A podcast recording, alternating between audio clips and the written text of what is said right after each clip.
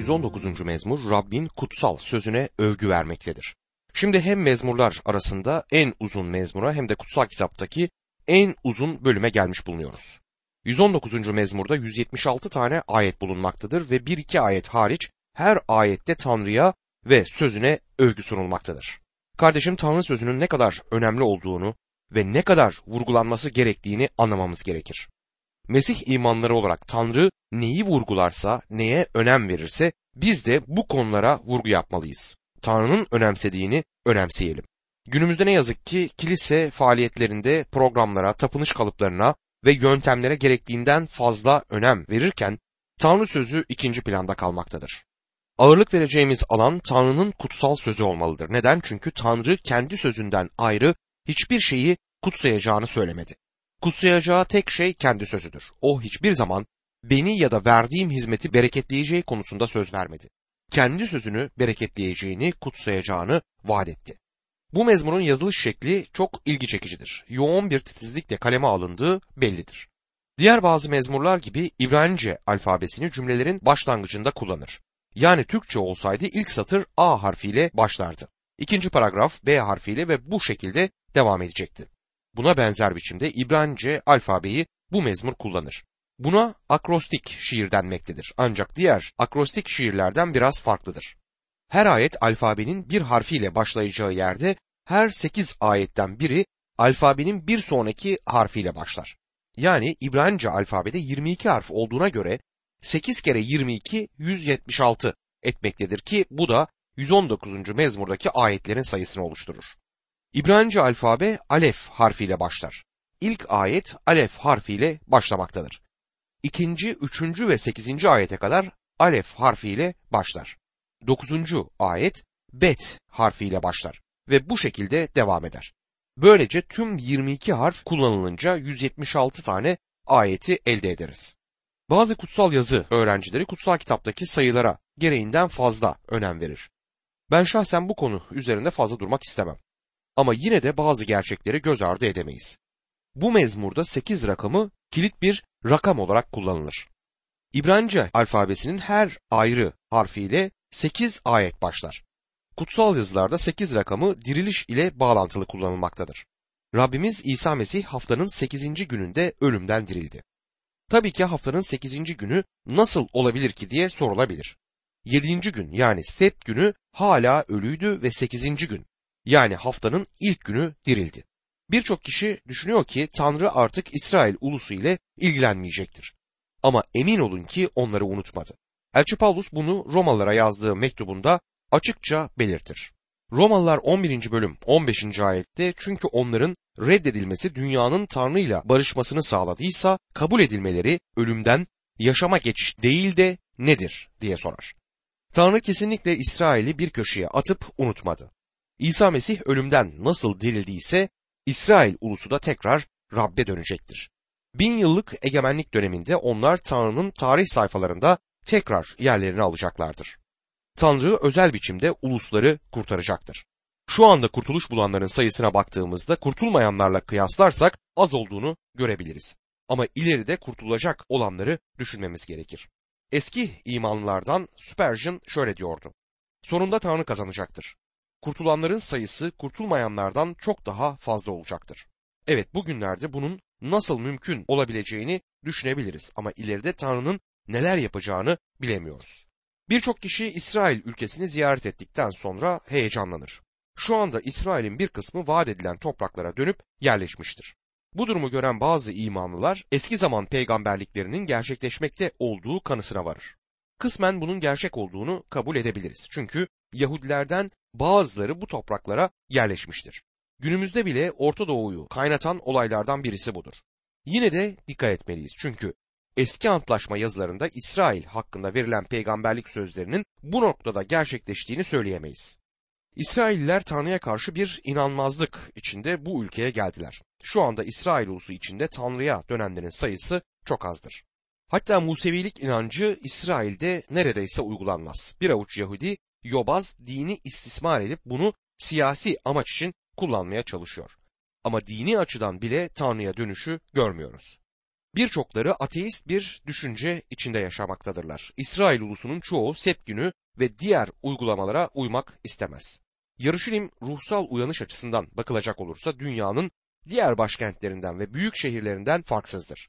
İmansızlık ve ateizm başını alıp bu şehirde gitmiştir. Ancak Tanrı'nın peygamberler aracılığıyla verdiği vaatler yerine gelince Yahudi ulusunun hepsi bu vaat edilen ülkeye dönecek ve bununla birlikte Tanrı'ya da muhteşem bir dönüş yaşanacaktır. İsrail ulusu bir açıdan ölümden dirilmiş olacaktır. Değerli kardeşim sen ölüm içerisindeyken tekrar dirilmişsen bu ancak Tanrı'nın sözü sayesinde oldu. Herhangi bir ruhsal uyanış ve diriliş Tanrı sözü sayesinde olacaktır. 1. Petrus 1. bölüm 23. ayette çünkü ölümlü değil ölümsüz bir tohumdan yani Tanrı'nın diri ve kalıcı sözü aracılığıyla yeniden doğdunuz der. Rab İsa Mesih'i açıklayan Tanrı sözü sayesinde yeniden doğmaktayız. Yeni doğuş kutsal yazılar sayesinde olur. Tanrı sözü sana hayat verendir. Aynı zamanda sana özgürlük, mutluluk, sevinç ve bereket getirecektir.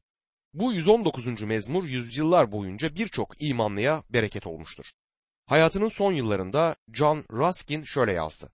Çok ilginç bir şeyin farkına vardım.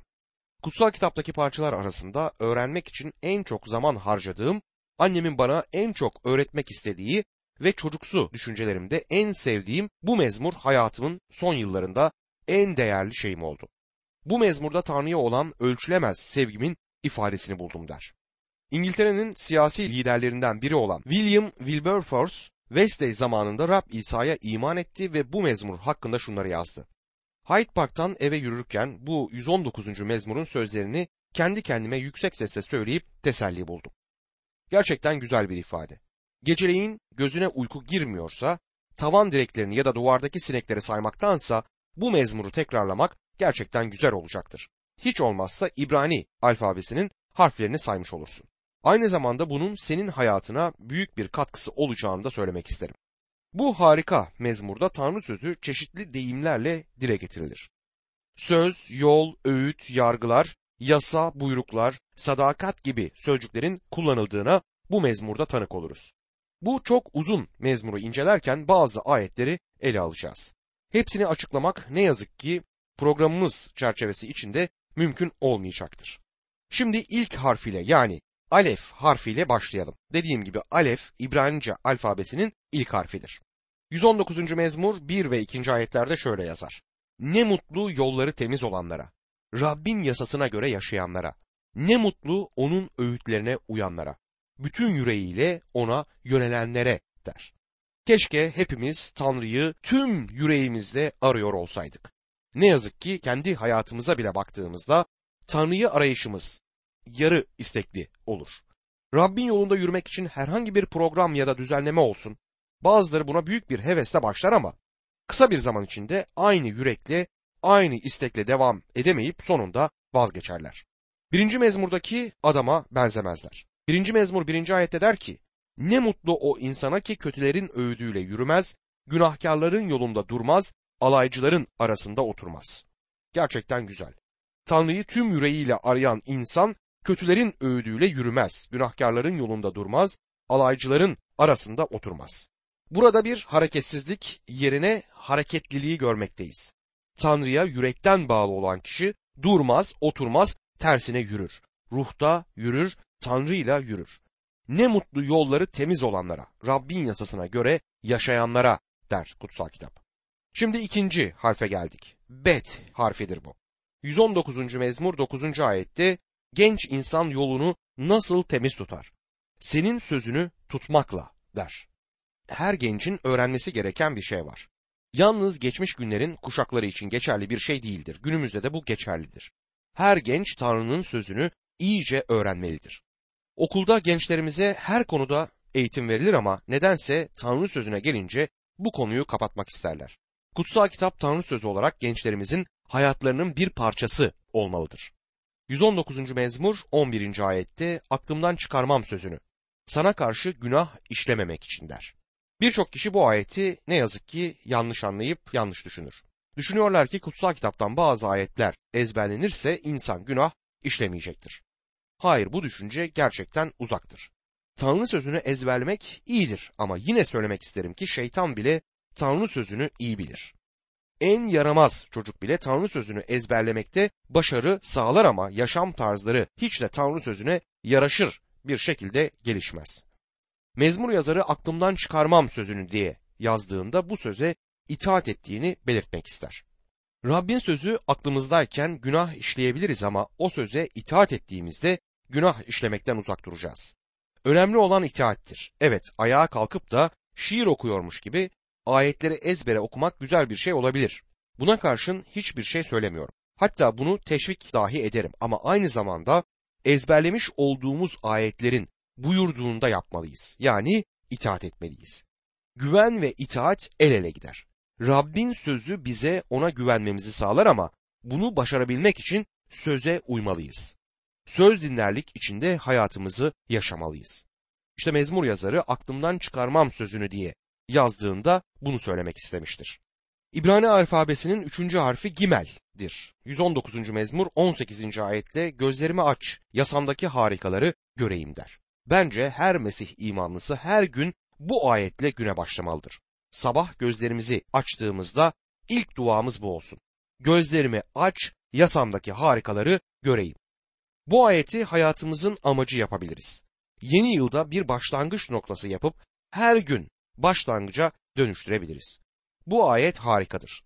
Ezberlenmesi gereken bir ayet olduğu gibi itaat de edilmesi gerekir. İtaat edilmesi gereken de bir ayettir. Yıllar önce kutsal kitabı öğretmeye başlayınca bu ayetten başladım. Senelerce bu ayeti konu olarak kullandım. Gözlerimi aç yasandaki harikaları göreyim ya da sözündeki harikaları anlayayım. Bir diğer İbrani alfabesindeki harf dalet harfidir. Bu kesimde de şunu okuyoruz 119. mezmur 25. ayette. Toza toprağa serildim, sözün uyarınca yaşam ver bana. Orijinal metinde canım yerin tozuna, toprağına yapışıyor der. Günümüzde her şey aşağılara doğru ilerlemektedir. Yani bir düşüş var. İlk günaha düşüşten sonra devam eden sürekli olan bir düşüştür bu. İnsanın icat ettiği en muazzam buluşlar bile sonunda insanı aşağılara doğru çekmeye devam eder. Televizyon ilk icat edildiğinde bilim adamları bu buluşun insan karakterini doruklara taşıyacağı kahinliğinde bulundu. Bugün ekranlarımıza baktığımızda orada en aşağılık görüntüleri görüyoruz. Şiddet, pornografi ve sevgisizlik neredeyse en ince detaylarıyla televizyonda görüntülenmektedir. İnsanın yapısı günahlı olduğu için en yüksek amaçlarda bile aşağılara doğru, yerin tozuna doğru seyreder. İnsanın fiziksel yapısı gibi cansal yapısı da aşağılara doğru seyretmektedir. Bundan nasıl kurtulabiliriz? Sözün uyarınca yaşat beni diye mezmur yazarı yalvarıyor. Bizim de yalvarışımız bu olsun ve hiçbir koşul altında Rabbin sözünü okumaktan üşenmeyelim. Bu programların amacı da budur. Dinleyicilerimizi Rabbin sözüne bağlı kılmak. Bu yayınları dinleyen dinleyicilerimiz 5-6 yıl sonra ruhsal açıdan daha da zenginleşmiş olacaktır. H harfiyle başlayan bölümde ise şunları okuyoruz. 119. mezmur 33. ayette. Kurallarını nasıl izleyeceğimi öğret bana ya Rab. Öyle ki onları sonuna kadar izleyeyim. Tanrı'nın ardından yürümek, onu izlemek muhteşemdir. Onun kurallarına uymak, önümüzdeki yarışı sabırla bitirmek gerçekten önemlidir. Gözlerimizi İsa Mesih'ten hiç ayırmayalım. Ve bir diğer İbrani alfabesinin harfi Vau harfidir. 119. mezmur 41. ayet böyle başlar. Bana sevgini göster ya Rab, sözün uyarınca kurtar beni. Tanrı'nın merhametinden çoğu kez söz edilir ama bunun bize nasıl geldiğini düşünmemiz gerekir. Tanrı'nın merhameti bir mektup gibidir ve bu mektup bir sevgi zarfı içinde bize gelir. Bu zarfı bize getiren onun sonsuz sözüdür. Bu nedenle mezmur yazarı diyor ki 119. mezmur 47. ayette. Senin buyruklarından zevk alıyor, onları seviyorum. Sevgili dostum, onun buyruklarını yerine getirmekten zevk alıyor musun? Kutsal kitabı gerçekten seviyor musun? Tanrı'nın sözüne aşık olmamışsan dua et ve ondan iste ki sana kutsal söze karşı bir sevgi versin. Ben şahsen böyle yaptım. Rab'den istedim, Rab dedim, lütfen senin kutsal sözüne karşı yüreğimde bir sevgi oluşmasını sağla. Ben kutsal kitabın düzenli şekilde okunduğu bir evde değil, hiç okunmadığı bir evde büyüdüm. Bu nedenle Rabbin sözüne karşı içimde bir ilginin uyanması için beklemek zorunda kaldım ama zamanla Rab bu ilgiyi ve sevgiyi bende oluşturdu. Şimdi İbrani alfabesinin Zayin harfiyle başlayan ayete geldik. 119. mezmur 49. ayet. Kuluna verdiğin sözü anımsa. Bununla umut verdin bana der. Biraz küstahça bir söz gibi gelebilir ama aslında mezmur yazarı bunu Rab'den isterken onun verdiği vaatleri yerine getirebilecek güçte olduğunu beyan etmektedir. Rab diyor bana umut verdin. Verdiğin vaatlere dayanarak yaşıyorum. Bu nedenle vaatlerini unutma. 119. mezmur 57. ayet şet harfiyle başlar. Benim payıma düşen sensin ya Rab. Sözlerini yerine getireceğim dedim der. Bence bundan daha büyük bir pay olamaz. Rab benim payım ise ben her şeye sahibim demektir. Ondaki tüm zenginliklere sahip olabilirim. Mezmur yazarı Rabbin önündeki konumunu anlayınca şaşkınlık içinde sanki devlet kuşu başına konmuş gibi davranır. Bu kocaman, muhteşem, yüce Tanrı'nın kendisine ait olduğunu görür ve şaşar. Biz de Mesih imanları olarak bu şaşkınlık içinde Rabbin önüne gelmeliyiz. Mesih imanlısı olmak bir eziklik ya da yoksulluk yaratmamalı çünkü evrenin en zengin insanlarıyız. 119. mezmur 62. ayette doğru hükümlerin için gece yarısı kalkıp sana şükrederim der. Kardeşim sen gecenin yarısında uyanıp da Tanrı'ya şükrediyor musun? Bir sürü şey için şükredebilirsin. En azından onun kutsal sözü için şükür yükseltebilirsin. Bunu hiç yapmamışsan zamanı geldi. Bu akşam yatmaya gitmeden önce bunu yapabilirsin. Gece uyandığında Rabbe şükret. 119. mezmur 69 ve 70. ayetlerde küstahlar yalanlarla beni lekeledi. Ama ben bütün yüreğimle senin koşullarına uyarım. Onların yüreği yağ bağladı. Bense zevk alırım yasandan diyor. Bu 69 ve 70. ayetler İbrani alfabesinin tet harfiyle başlamaktadır. Kutsal kitabı eleştiren birçok insan var.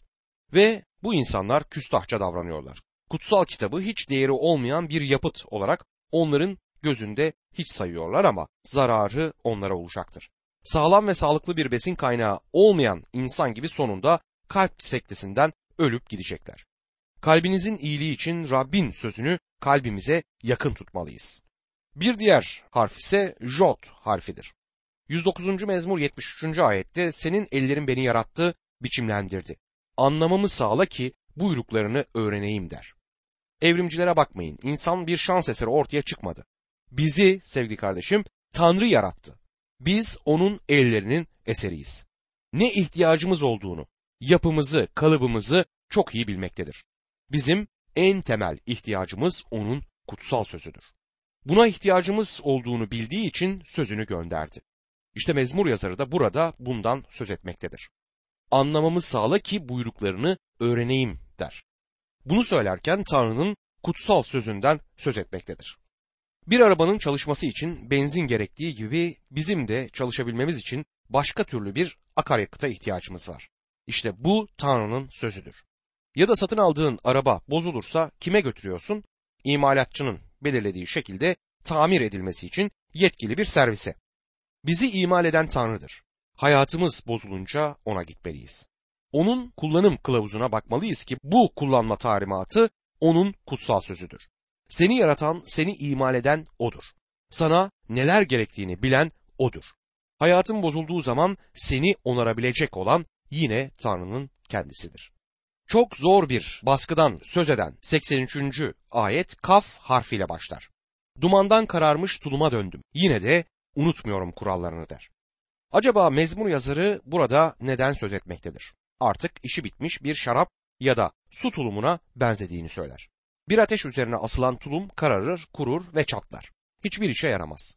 Gerçekten uzun bir süre zor baskılar altında yaşamış olan bir insanın durumunu dile getirmektedir bu ayet. Yine de unutulmadığını biliyor çünkü Tanrı sözü onu ayakta tutmaktadır. Lamet harfiyle başlayan 119. mezmurda 89. ayettir. Ya Rab sözün göklerde sonsuza dek duruyor der bu ayet. Tanrı'nın sözü olan kutsal kitabın değiştirildiğini iddia edenler özellikle bu ayeti okumalılar. Kutsal kitap sözün göklerde sonsuza dek duruyor der. Yani ona hiç kimse dokunamaz. Göklerde olduğu için onu hiç kimse değiştiremez. Tanrı'nın sözü cennettedir. Kim gidip de o sözü değiştirebilecek güçtedir. Elimizde bulunan kutsal sözün orijinali nerede? Göktedir. Elimizde bulunan kutsal kitap gökteki orijinalin dil ile bize aktarılan kopyasıdır. Her gün okuduğum kutsal kitap gökte olan orijinalin bana aktarılan, benim okuyup anlayabileceğim şekilde yazılmış olan şeklidir. Gökte derken bizim her sabah başımızı kaldırıp baktığımız gökyüzü değildir bu. Burası cennettir. Çünkü gün gelecek, yer ve gök ortadan kalkacaktır ama Tanrı'nın sözü asla değişmeyecek ve asla ortadan kalkmayacaktır. Onun sözü onunla birliktedir, onun yanındadır. Hiçbir zaman ortadan kalkmayacaktır. 119. mezmur 97. ayet mem harfiyle başlar. Ne kadar severim yasanı, bütün gün düşünürüm onun üzerinde der. Mezmur yazarı neden Tanrı sözünü bütün gün düşünmektedir? Bunun cevabını vermeden önce şu soruyu sormak isterim. Birine aşık olsaydınız bütün gün kimi düşünürdünüz? Evet sevdiğinizi. Mezmur yazarı da Rabbin kutsal sözünü çok sevdiği için onu bütün gün düşünmektedir. Hem de derin derin düşünür. 119. mezmur 99. ayette bütün öğretmenlerimden daha akıllıyım. Çünkü öğütlerin üzerinde düşünüyorum der. İsa Mesih tek bir öğretmenimiz var dedi. O da Tanrı'nın kendisidir. İsa Mesih insan bedeninde dünyaya gelmiş olan Tanrı'dır. Onun ayakları dibinde geçirdiğimiz zaman değerlidir. Ondan öğrenmek tüm okulların verebileceği bilgiden daha değerlidir. Birisi doçent ya da profesör olabilir. Ama ruhsal konularda bilgisi sıfırın üzerinde olamaz. Tanrı sözü onun öğütçüsü olabilir. Onun öğütlerini okuyup da hayatımızda uygularsak Hayat Üniversitesi'nden en üstün dereceyle mezun oluruz. Şimdi birçoğumuzun pek çok kere işittiğimiz bir ayete geldik. Bu İbrani alfabesinin Nun harfiyle başlayan 119. mezmurun 105. ayetidir. Sözün adımlarım için çıra, yolum için ışıktır. Rab sözü ile bize kişisel şekilde konuşur. Onun sözünü okurken önce kendimize sormalıyız. Bu ayet ya da ayetler benim hayatım için ne gibi bir anlam ifade eder? Benim hayatımı olumlu yönde nasıl bu ayet etkileyebilir? Samek harfiyle başlayan ayet 113. ayettir. Şimdi bu kesimden yine tek bir ayet alıp açıklamak istiyorum. Döneklerden tiksinir, senin yasanı severim diyor.